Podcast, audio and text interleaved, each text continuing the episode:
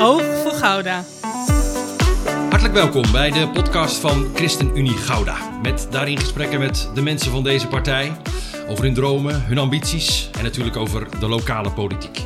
Mijn naam is Ruud Broekhuizen en tegenover mij zit Gert van der Brink. Op dit moment burgerraadslid van de partij. Dag Gert. Goedemiddag, Ja, Ruud. we zijn hier in jouw woonkamer. Want Ja. ik, ik heb mezelf uitgenodigd bij de mensen thuis.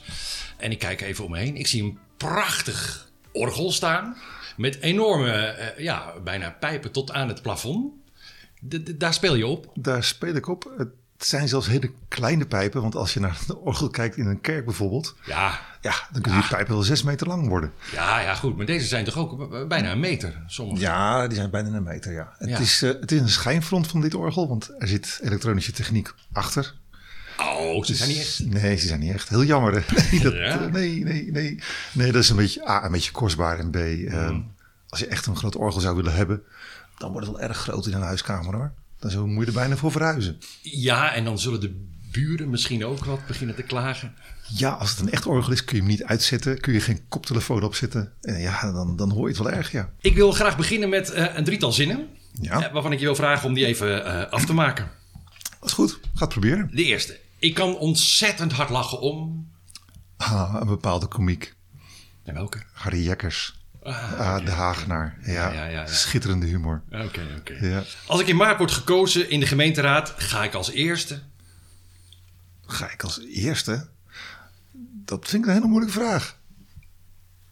Ik ga bijna zeggen een potje drinken, maar Nou, dat kan, laat ik dat weer zeggen. Een potje drinken. Een potje drinken. Een Lijkt me helemaal goed. Een mooie port van 20 jaar oud. Ja. De laatste keer dat ik ergens spijt van had, was. Ehm, ja, dat ik tegen iemand opmerking maakte tijdens een training. En die moest ik maken, want ik had een specifieke rol. Maar ik voelde me nog steeds niet lekker bij. En dan ga je natuurlijk je me vragend aan te kijken, zo van wat, wat, wat was dat eigenlijk? Nee, ik hoef niet helemaal specifiek de in en outs, maar meer van. van eh, Ik moest eh, discriminerende opmerkingen maken. Je moest een moest discriminerende een, wat mij betreft een discriminerende opmerking maken, ja. Nou, ben ik toch wel nieuwsgierig. Wat moest je zeggen? Ehm, ik moest een debat, debat naspelen. Mhm. En in het debat moest ik een specifieke rol van een politieke partij vervullen. Niet de ChristenUnie uiteraard. Ehm, dat kaartje had ik in mijn, eh, mijn handen gekregen. En aan de overkant stond iemand die eh, een andere achtergrond heeft. En ik moest een discriminerende opmerking maken. Ik vind het nog steeds vervelend. En, en er werd, werd gezegd van tevoren van... weet dat het gebeurt. Maar sorry, daar kan ik eigenlijk niet tegen. Maar het moest. Dus het was een soort van rolspel, maar je bent daarna toch. Daar had je toch spijt van. Het moest, spijt. Ja, ik, ja, Ja, ja, ja, ik had er last van. Laat, laat ik het zo formuleren. Ik had er last van. Je had er last van. Ja. Oké. Sinds een half jaar burgerraadslid. Ja. Sinds eh, vorig jaar zomer. Eh, maar je gaat nu voor het echte werk. Je staat op nummer 4. Dat is dus een verkiesbare plaats. Dat is in Gouda zeker een verkiesbare plaats. Ja, ja. Wa- Wat is die brandende ambitie om eh, daar aan het echte politieke werk te gaan beginnen? Nou, brandende ambitie? Nee, sorry. Nee. Ik hou niet zo erg van het woord brandende ambitie. Wat is je motivatie? Ehm laten we het tegenovergestelde zeggen, dienstbaarheid. Dus dat is een hele klassieke term, maar ehm, ik voel me verantwoordelijk voor Gouda, mensen om me heen, omgeving, ehm, van alles. En ik denk dat je vanuit die ehm, gedachte en die drive hoef je niet per se ambitieus te zijn, maar kun je ook heel veel dingen voor elkaar krijgen. Dat is een heel andere invallen, invalshoek. invalshoek. Ja, dienstbaarheid, verantwoordelijkheid. Ja. Eh, ik zie hier in de woonkamer ook een bok staan. Eh, er zijn Ja. twee kinderen. Er zijn zes kleinkinderen, geloof Er ik. zijn hè? zes kleinkinderen, ja. Ja, en, en ja. Die, en die lopen hier dus eh, rond. Die komen regelmatig langs. ja. Voedt dat ook die verantwoordelijkheid als, als die, die toekomst hier rondrent? Ja, dat zullen alle mensen die kinderen hebben eh, ook wel erkennen, denk ik, dat je daardoor een heel ander gevoel krijgt van het het doorgeven aan een andere generatie, ehm, je opvolging. En dat is het mooie van oud worden. Ouder worden, sorry. Ouder worden. Ja, laten we het maar weer ouder worden. Want als je naar die generatie kijkt, eh, je kinderen, je kleinkinderen, Mhm. denk je wel eens van, eh, ja, wat, wat gaan ze voor leven tegemoet? Eh, hoe- misschien wel heel veel anders dan dat wij leven. Ja, absoluut. En dat denk ik ook wel eens van heerlijk dat ze ook dezelfde zorgen hebben als die ik vroeger had. Over wat er met die wereld gaat gebeuren. Ehm, Ja, was je zo'n piekeraar vroeger? Nou, piekeraar. Ik maakte me wel zorgen over het milieu, natuur en ja, absoluut. Al Ja. van jongs af aan. Mijn eerste auto, de, ik weet nog dat ik dacht van, ik, ja, ik heb een auto nodig, maar ik vind het eigenlijk helemaal niet leuk om dat ding eh, langs de, de, wegen te rijden. En dan reed je langs de bossen en dan zag je de eikenbomen afsterven. En ik denk van, ja, daar ben ik toch ook een onderdeel van geworden. Dat vond ik niet leuk. Maar heb je hem weggedaan? Ik heb hem toen niet weggedaan. Rijd nu wel in een elektrische auto. Toen het kon, ben ik ermee begonnen. Ja, ja, ja. Ja, dat, dat, is wel het gevolg daarvan, denk ik. Ja. Want dat is natuurlijk de transformatie waar we allemaal voor staan. Uh, ja. Voor onze kinderen en onze kleinkinderen. Om die stap te gaan maken. Is dat um, voor deze generatie moeilijk? Mm, ja, het is, het is altijd moeilijk om verworvenheden weg te geven. Alhoewel ik wel denk dat dat voor ouderen nog moeilijker is dan voor de jongeren. Jongeren hebben, merk ik nog wel de drive om dingen te willen wijzigen, dingen te willen veranderen. En ouderen, sorry, uh, dat ben ik zelf ook, um, hebben nog wel eens een neiging om even vast te houden wat er, wat er al is. En die, die veranderingen um, wat moeilijker accepteren. We zijn gewend, misschien wel een beetje verwend. Ik vind verwend. Ja? Ja, ja we, zijn, we hebben heel veel hè. We hebben echt heel veel. Je kunt eigenlijk de meeste mensen kunnen ook van alles kopen en krijgen wat ze willen. En op het moment dat ze het willen. Ja, je gaat achter je pc zitten of je tablet en je, je zegt van ik wil nu dat hebben en je koopt het en je, ja, het komt binnen de volgende dag. Makkelijk toch? Ja. Ja. Zie de discussie over de dark stores uh, van afgelopen week. Ja, dat je, je hebt zin in een zak chips en, en, en binnen 10 minuten wordt het bezorgd. Ja, en onze fractievoorzitter gaf het uh, mooie woord hyperconsumentisme aan. Ik mm. vond dat wel een heel mooi begrip. Ja, dat gaat wel eens erg ver. Ja, zijn we zover doorgeschoten? Ja, en ongemerkt. En uh, soms gebeurt het, komt het ons ook. Hè? Kijk maar in de supermarkt, als je kijkt naar de, de groenten en de vleeswaren. We willen mooie groentes kopen. En dat betekent dat ze allemaal in plastic verpakt worden. En waarom is dat zo? Omdat wij vinden dat we iets willen hebben wat, wat er mooi uitziet. Het, het smaakt niet anders, maar het moet er mooi uitzien. En dus zit het in plastic. Nou, dat is een vorm van hyperconsumentisme, denk ik. Nou, ga je de lokale politiek in. Ja. En, en uh, je hebt net over de dark stores. Dat is iets wat, wat je lokaal kunt regelen. Wat, wat kun je aan die, aan die duurzaamheid en aan die transformatie... wat kun je doen als politieke partij in een stad? Je kunt dingen alleen maar bevorderen. Uiteindelijk gaat het om gedrag van mensen. Hè? En, en mhm. je kunt uh, als politiek wel regels proberen op te leggen. Maar mensen zullen intrinsiek dingen moeten willen. En um, ook bij de hele transitie naar straks um, CO2-neutraal kun je ook zien dat, dat heel veel mensen die stap ook best willen zetten. Alleen je moet ze ondersteunen, proberen te ondersteunen. Je moet ze de gelegenheid geven, je moet ze serieus nemen met name, als ze dat willen. Ja, en dat is dat dan wel de rol van een politiek. Je kunt ze wel, je kunt wel helpen, je kunt wel de voorloper zijn. Daar. Ja, want gedrag van mensen veranderen, dat is een van de moeilijkste dingen, toch? Ja, absoluut. Het gedrag van politici trouwens ook hoor. Ik zal ik eerlijk zijn, als ik het zo eens om me heen kijk. Misschien dat voor mij ook wel. Um, ja, dat is een van de moeilijkste dingen. En daar kun je allerlei drijfveren voor, voor zien te vinden. Dat kan soms geld zijn. Uh, dat kan soms uh, een, een, het helpen zijn. Nou ja, ik moest even denken aan mijn auto met geld. Uiteindelijk heb ik een leasebak, die is elektrisch. En geld heeft daarbij geholpen om te kopen. Maar dat was een eerste stap die de overheid mogelijk maakte. Waardoor er steeds meer elektrische auto's komen. En dan kan de overheid zich weer terugtrekken. Dan wordt het de eigen beslissing van mensen. Nou, dat is denk ik de goede rol van een overheid ja, stimuleren. En uh, wat zijn de belangrijkste punten uh, waar de ChristenUnie voor gaat staan om die duurzaamheid te bevorderen? Um, ten eerste denk ik, uh, Gouda, we moeten zoveel mogelijk isoleren. Zoveel mogelijk warmte zien te ontwikkelen. Elektriciteit, panelen op de daken leggen. Daar kan de gemeente ook een grote rol in spelen. Dat is de eerste stap. de tweede stap is CO2-neutraal maken. Hoe krijgen we dat voor elkaar? buurt, buurten die dat willen, ondersteunen daarbij.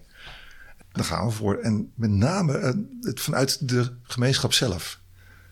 Dus de initiatieven die er zijn, gaan we, die moeten we ondersteunen.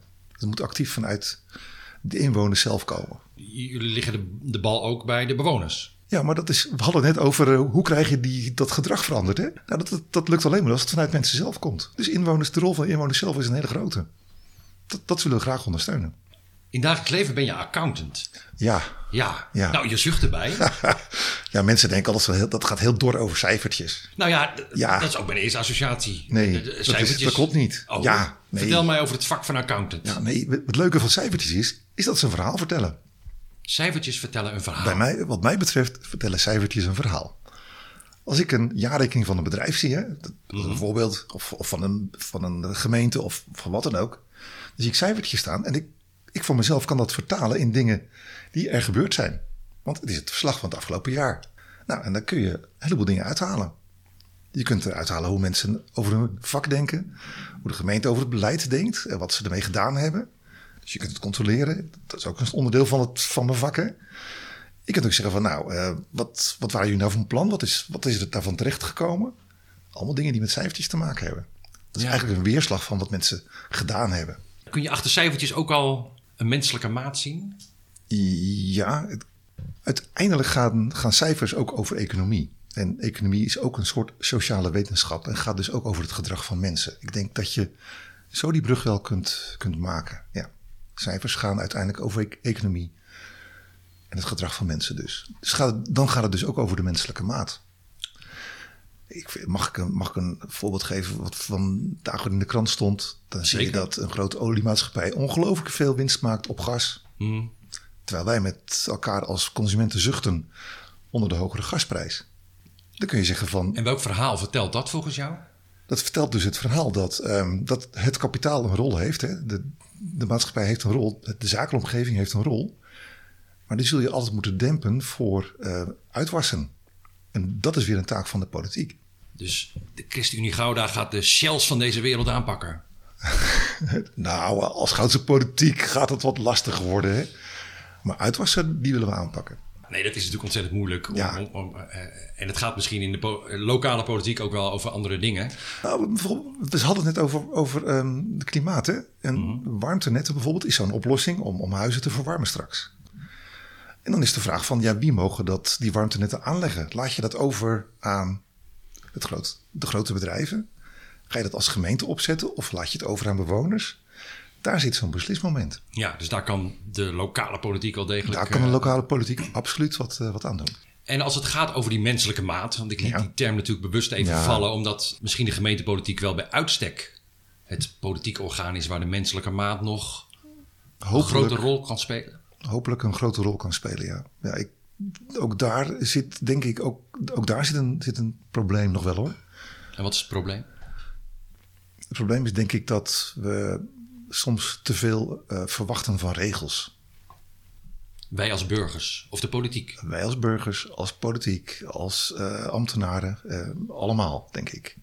Maar regels zijn toch heel handig? Gewoon er staat, je mag hier niet inrijden en dan weet je waar je aan toe bent. Ja, die zijn heel handig. Alleen tot het moment dat blijkt dat het niet zo handig is. Want um, je kan wel alles proberen te regelen.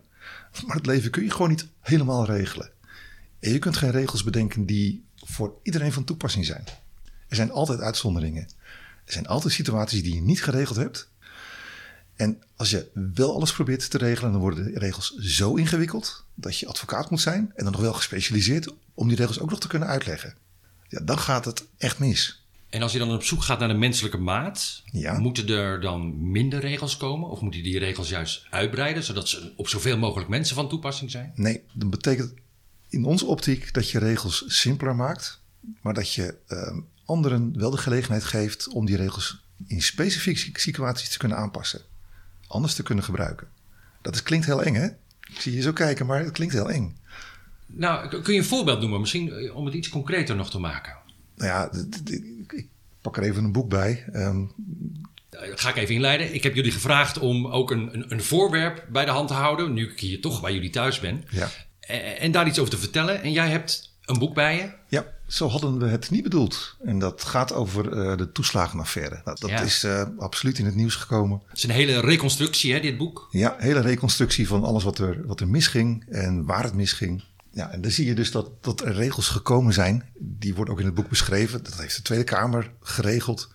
Want ze wilden fraude tegengaan. Fraude in de toeslagenwet. En daar, uh, dat was toen op dat moment belangrijk. Dus ze hadden alles zo dicht geregeld dat als mensen maar even vergeten waren een formuliertje in te sturen, dan kregen ze een boete en moesten ze alles terugbetalen. Ja, en, en dat ene formuliertje, was dat wel zo belangrijk? Sommige mensen wisten geen eens dat ze een formulier moesten invullen. En dan ging het naar eh, de ambtenaar en ja, dan moesten ze alles terugbetalen. En de ambtenaar zei, ja, dat staat in de wet. En de rechter zei, ja, het staat in de wet dat je alles terug moet betalen. Dus op hmm. dat moment was de menselijke maat helemaal weg. Het ging over regels en niet meer over de mensen die erachter zat. En die fout die je allemaal kunt maken. Je maakt allemaal fouten. dat kun je in regelgeving ook oplossen. Je kunt ook zeggen, ik maak de regelgeving veel minder specifiek. En ik zeg, in sommige gevallen mag je uh, ook zelf beslissen ambtenaar of burgemeester of wethouder. Dat noemen we een hardheidsclausule. Als regels niet meer passen, dan mag je ze anders gebruiken. En dat is heel specifiek iets wat we heel graag ook in de plaatselijke regelgeving willen aanbrengen. Dus als ik ergens tussen wal en schip val, Precies. dan kan ik mij, ja, dan ga ik naar het huis van de stad. Ja. En, en wat moet daar dan zijn dat, dat ik word gezien en geholpen? Dan moet er iemand zijn die weet waar het over gaat, die je kan helpen met het invullen van formulieren. Nou, dat is een hele mooie rol die nu in de bibliotheek inmiddels ingevuld wordt. En dat willen we eigenlijk ook al uitbreiden. Dat je daar terecht kunt, dat je geholpen wordt. En dat je door dat woud van regelgeving heen gaat. Je moet ermee geholpen worden. Het liefst nog hebben wij dat het helemaal niet zo'n woud van regelgeving is. Dat het gewoon eenvoudiger wordt. En als het dan fout gaat, want dat gebeurt dan wel eens, hè, dat, het gaat een keer fout. Dat je dan ook bij iemand terecht kunt die zegt van... ik ga eens kijken of het uh, inderdaad bij jou wat vervelend uitpakt. Helemaal aan het begin hadden we het even over spijt. Ja. Ben jij iemand die makkelijk sorry kunt zeggen? Jij persoonlijk? Ja, misschien was het te makkelijk. Te makkelijk? Ja, ja want ja, als je... Ja, ach. Je zegt al sorry voordat je een fout hebt gemaakt. Ja, bijna wel, ja. Ja, ja, ja, ja. Ik kan ook heel moeilijk, heel moeilijk boos worden, geloof ik. Ja? Ja. Misschien is dat ook wel eens nodig, hoor. Maar uh, nou, dat is wat lastig. Ik vraag het omdat daaraan gekoppeld de vraag zit misschien wel... zou de politiek vaker sorry moeten zeggen? Ja. Want het is mijn vaste overtuiging dat je alleen maar leert de fouten te maken. Mag de politiek fouten maken? Moet fouten maken. Moet? Ja. De politiek moet namelijk beslissingen nemen. Daar zijn we voor gekozen. We zijn ervoor gekozen om, um, als het lastig is, als er problemen zijn, om dan een beslissing te nemen. En daar is af en toe moed voor nodig. En dan moet je dus ook af en toe kunnen zeggen van, achteraf, nou dat heb ik niet goed gedaan. Dat is niet erg, moet je, maar dan moet je wel van leren. Het is een belangrijk onderwerp voor je, hè? Dit, wat, ja, dat is een belangrijk onderwerp. Ja, ik, ja, dat komt ook een beetje omdat ik binnen mijn beroepsorganisatie ook heel veel met regels te maken heb. En ook daarvan alles zie gebeuren waarvan ik denk van, nou, ja, regels, daar, daar, hebben, daar hechten we veel te veel aan. We kunnen niet alles regelen. Die menselijke maat betekent ook dat je om elkaar denkt, aan elkaar denkt. En ja, dan zijn regels eigenlijk helemaal niet belangrijk. Regels zijn noodsmaatregelen. Als we gewoon allemaal aardig en vriendelijk voor elkaar zouden zijn. Ach ja. Toch? Dan had je toch geen regels nodig? Nee, maar ja, dat is een, nou, utopie, dat is een utopie. Ook dat weet ik. het is een utopie. Ik vind het wel mooi als je de politiek ingaat dat je nog dat idealisme hebt. Ja. Dat, dat moet misschien. Misschien ook wel. Het is een utopie, maar het moet wel de, de, de basis zijn, de missie zijn van, van wat, je, wat je vindt, vind ik. En nou liet je net dat boek zien over de toeslagenaffaire. Ja. Uh, daar is natuurlijk sorry gezegd. Een heel kabinet is erop afgetreden. Is er, oh, je kijkt me aan van er is eigenlijk geen sorry gezegd. Ik denk niet dat er sorry gezegd is. Um, ik denk dat we daar nog niet mee klaar zijn. Want ik denk dat een van de belangrijkste organen ook nog geen sorry heeft gezegd. De Belastingdienst? Ha, nou, die misschien ook nog wel. Um, de rechters hebben het trouwens wel gedaan. Hè? Ik weet niet of je ja. het gelezen hebt. Die hebben heel uitdrukkelijk sorry gezegd. Daar was ik heel blij mee. Want dat zijn uiteindelijk degenen die het moeten bewaken. Maar de Kamer heeft het nog niet gedaan. Hè? En dat zijn degenen die de regels gemaakt hebben. Ja, er is natuurlijk een, een regering op afgetreden, maar een Tweede Kamer. Een uh... Tweede Kamer, zelfstandig, nog steeds niet. Dat komt nu in het nieuwe onderzoek. Ik hoop dat ja. ze daar leren sorry zeggen. Dat zou wat jou betreft een belangrijke insteek zijn. Ja. ja. maar dan moeten ze af van de waan van de dag. En dan moeten ze zeggen, wij, ook wij leren van fouten.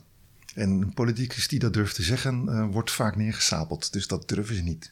Je, je kaart iets anders aan, hè? Over mm -hmm. hoe als je je uit over bepaalde onderwerpen, dat er meteen van alles uh, uh, wordt geroepen weer vanuit de maatschappij, sociale ja. media of erger. Oh ja. Dat iemand voor je deur staat. Dat schuurt een beetje aan tegen wat we dan noemen de kloof tussen de burger en de politiek. Hè? We hebben, ja. Er is geen begrip meer voor elkaar, lijkt het.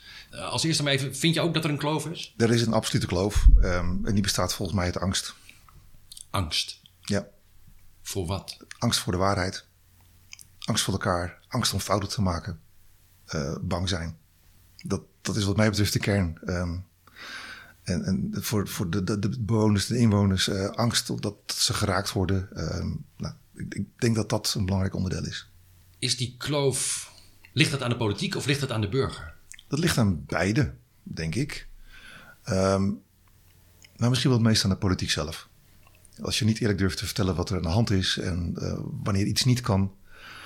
Um, en dat je, bent, je wordt daar bang voor, ja, dan, dan, dan kun je niet anders verwachten dat de burger op een gegeven moment zijn vertrouwen opzegt. Waar zijn we zo bang van geworden? Waar, waar, waar, waar is dat ontstaan? Ik weet het niet. Ik, ik wou dat ik een makkelijk antwoord had op deze vraag. Daar, daar denken natuurlijk heel veel mensen over na. Maar ik, ik, ik heb stukjes van antwoord misschien wel, maar het hele antwoord, uh, nee, zou ik niet weten. Kun je er als, als lokale partij en als ChristenUnie eraan gaan werken om die kloof kleiner te maken? Ja, absoluut. Um, we kunnen gewoon zeggen, en dat, dat zeggen we ook als ChristenUnie, wij vinden dat je eerlijk moet vertellen hoe het in elkaar zit. Als iets niet kan, moet je dat ook eerlijk durven zeggen. En het niet uh, wollig maken. Nee, zeg ja, sorry, dit is een beslissing die we nemen en daar staan we voor. En dat kan niet anders. En dat doet sommige mensen pijn. Ja, dat doet sommige mensen pijn. Maar andere mensen juist niet. En juist die afweging van belangen van, van, van groepen en, en inwoners, ja, die, die moeten we als politiek maken. Ik vind het altijd mooi, hè? En er wordt altijd gesproken over staatslieden, staatsmannen. Kok was een staatsman. Mm Dat was een andere partij, maar Kok was een staatsman. Maar die durfde gewoon te zeggen wat hij, wat hij vond. En daarom was hij staatsman. Die durfde eerlijk te vertellen wat hij, eh, wat hij goed of fout vond. Nou, die eerlijkheid, die moet gewoon, uh, die moet gewoon in de politiek ook terugkomen. Boven de partijen staan eigenlijk. Dat, is, dat wordt dan ook boven de partijen staan. Ja, wel vanuit je eigen overtuiging, hè? Want ik ben niet voor niks lid van de ChristenUnie. Uh, ja, want daar ligt natuurlijk altijd het spanningsveld. Ja. Dien ik de partij, dien ik de stad? Mm, ja, maar ik voel me wel heel erg thuis bij die uitgangspunten van die partij. En dat zou de basis moeten zijn op basis waarvan je al je goede beslissingen neemt. Ja. ja. Wat, wat zijn voor jou de echte kernwaarden van die partij? De kernwaarde is dat we mensen in hun waarde laten. Dat is een algemene term, hè? Maar we hadden het net over. We, we vinden initiatief van mensen moet je bevorderen. Nou, dat is onderdeel van het in, in hun waarde laten. Um, dat is denk ik de ene. Dus luisteren. Um, dat, dat, is de eerste waarde die, die ChristenUnie heeft. En de tweede waarde is dat we um, ook absoluut willen dat er omgekeken wordt naar de, de zwakkere of ja, de, de, de kwetsbare mensen op allerlei terrein. Uh, bijvoorbeeld de hele energietransitie. Ja, er zullen mensen zijn die dat niet kunnen betalen. Daar moet je dus voor zorgen. Want we moeten met z'n allen naar die CO2-vrije samenleving toe. En daardoor moeten niet mensen uit de boot kunnen vallen. Nou, dat, dat dualisme van de ene kant eigen initiatief. En aan de andere kant ook um, zorgen voor iedereen. Met name ook voor degenen die dat nodig hebben. Dat vind ik het mooie van de ChristenUnie. En dat past helemaal bij, bij de christelijke overtuiging. Je pakte net het boek van de toeslagenaffaire. Je had er stiekem nog een boek naast gelegd. Ja, een rapport van de Club van Rome. Dat had ik er naast gelegd. Dat is een jeugdzonde. Zonde? Ja, nou ja, ik maakte me toen ook al zorgen over het klimaat. En, en over wat er toen gebeurde. Ja, precies. Ja, ja. Dat, dat is misschien geen zonde, maar... Um, want de Club van Rome is eigenlijk ja, de eerste bijeenkomst van, ja. van, van grote uh, ja, wereldlijke instanties. die eigenlijk duidelijk maakten van jongens, als we zo doorgaan, ja. dan gaat het niet goed. Ja, wetenschappers. Wetenschappers die nu eindelijk eens zeiden van ja, maar als we zo doorgaan, dat hebben ze netjes onderbouwd met allerlei wetenschappelijke theorieën. Ja, dan gaat het binnenkort mis. Dan is het, het is nu vijf voor twaalf. En een van de mooie dingen. Ik, ik, dat, dat is alweer 50 jaar geleden, hè? Precies. Ja. Een van de mooie dingen die ik vind van. Eh, maar als we met elkaar eh, zorgen over gaan maken. En dat, dat gebeurt nu ook weer, hè? Met, met klimaatverandering en de CO2. Als we er met elkaar zorgen over maken, dan kan het dus ook gebeuren dat je oplossingen vindt.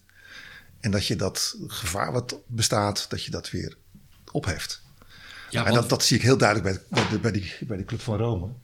De gevaren die daarin beschreven worden. Nou, die zijn voor een deel weer opgelost. Wat is zo'n gevaar die erin beschreven wordt? Een van de dingen waar ik me zorgen over maakte. Ik, het werd, werd geschreven over biodiversiteit. Nou, ik keek op de daken van de schuur van mijn ouders. En ik zag de korstmossen verdwijnen. Dan denk je, nou, korstmossen. Nou, dat was een, dat was een bio-graadmeter. Als ik nu om me heen kijk, zie ik korstmossen weer terug. Die liggen weer terug op de daken, ook in de steden.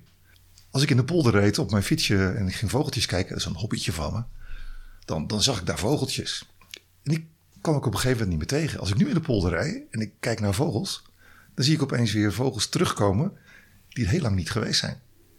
Bijvoorbeeld de, de ooievaar. Ik denk, ja, de ooievaar. Nee, de ooievaar was bijna uitgestorven in Nederland. En we hadden een paar ooievaarstations opgericht om die ooievaar terug te krijgen.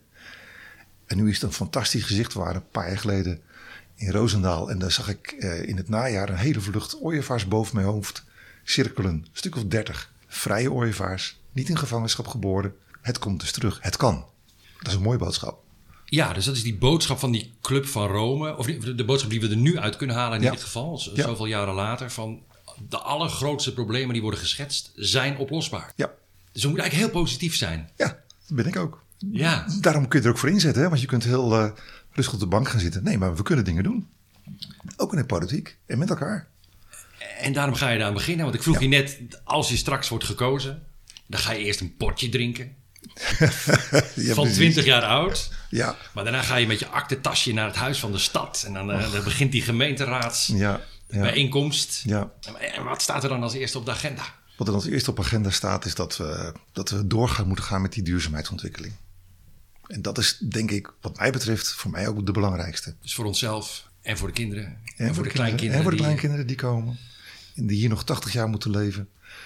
En hopelijk gewoon in Gouden kunnen blijven wonen op die hele mooie stad. In die hele mooie stad. Met die cultuur en met alles wat we daar hebben. Van meer dan 800 jaar, nee, 750 jaar oud hè, dit jaar. Als stad. Ja, ja. het wordt een feestjaar. Het wordt een feestjaar. Het wordt een absoluut feestjaar. Ik weet niet of je het programma gezien hebt van dit jaar. Ja, uh, ja. het is bijna niet doorheen te komen, zoveel activiteiten. Precies. En ik ben ook nog penningmeester van de Stichting Goudse Sint-Jan. En daar komt een fantastische expositie. Dat als eerste. En die looproute? Ja, ik dacht al dat je er naartoe zou gaan. Want dat was, over het dak, hè? over het dak, dat is heel erg uniek, hè? Ja, bijzonder. Ja, dat wordt heel mooi. Dat ja. wordt echt heel mooi. Ja, ja. ja, Dus je kijkt heel erg uit naar het komend jaar. Ja, ik absoluut. Want ja. de, feest van Gouda, feest van de democratie. Feest van de democratie. Nog zes weekjes, lekker flyeren, discussies. Hoe ga je, hoe ga je aan de bak? Ik uh, denk discussies, inderdaad, flyeren. We, we, mogen straks weer de straat op, hè? Dat heeft er even naar uitgezien dat het niet mocht. We mogen weer discussies gaan voeren met mensen, met inwoners en groepen. Dus dat gaan we zeker doen. Ik wens je daarbij heel veel succes. Bedankt. En dankjewel. Oké. Okay. Oog voor Gouda.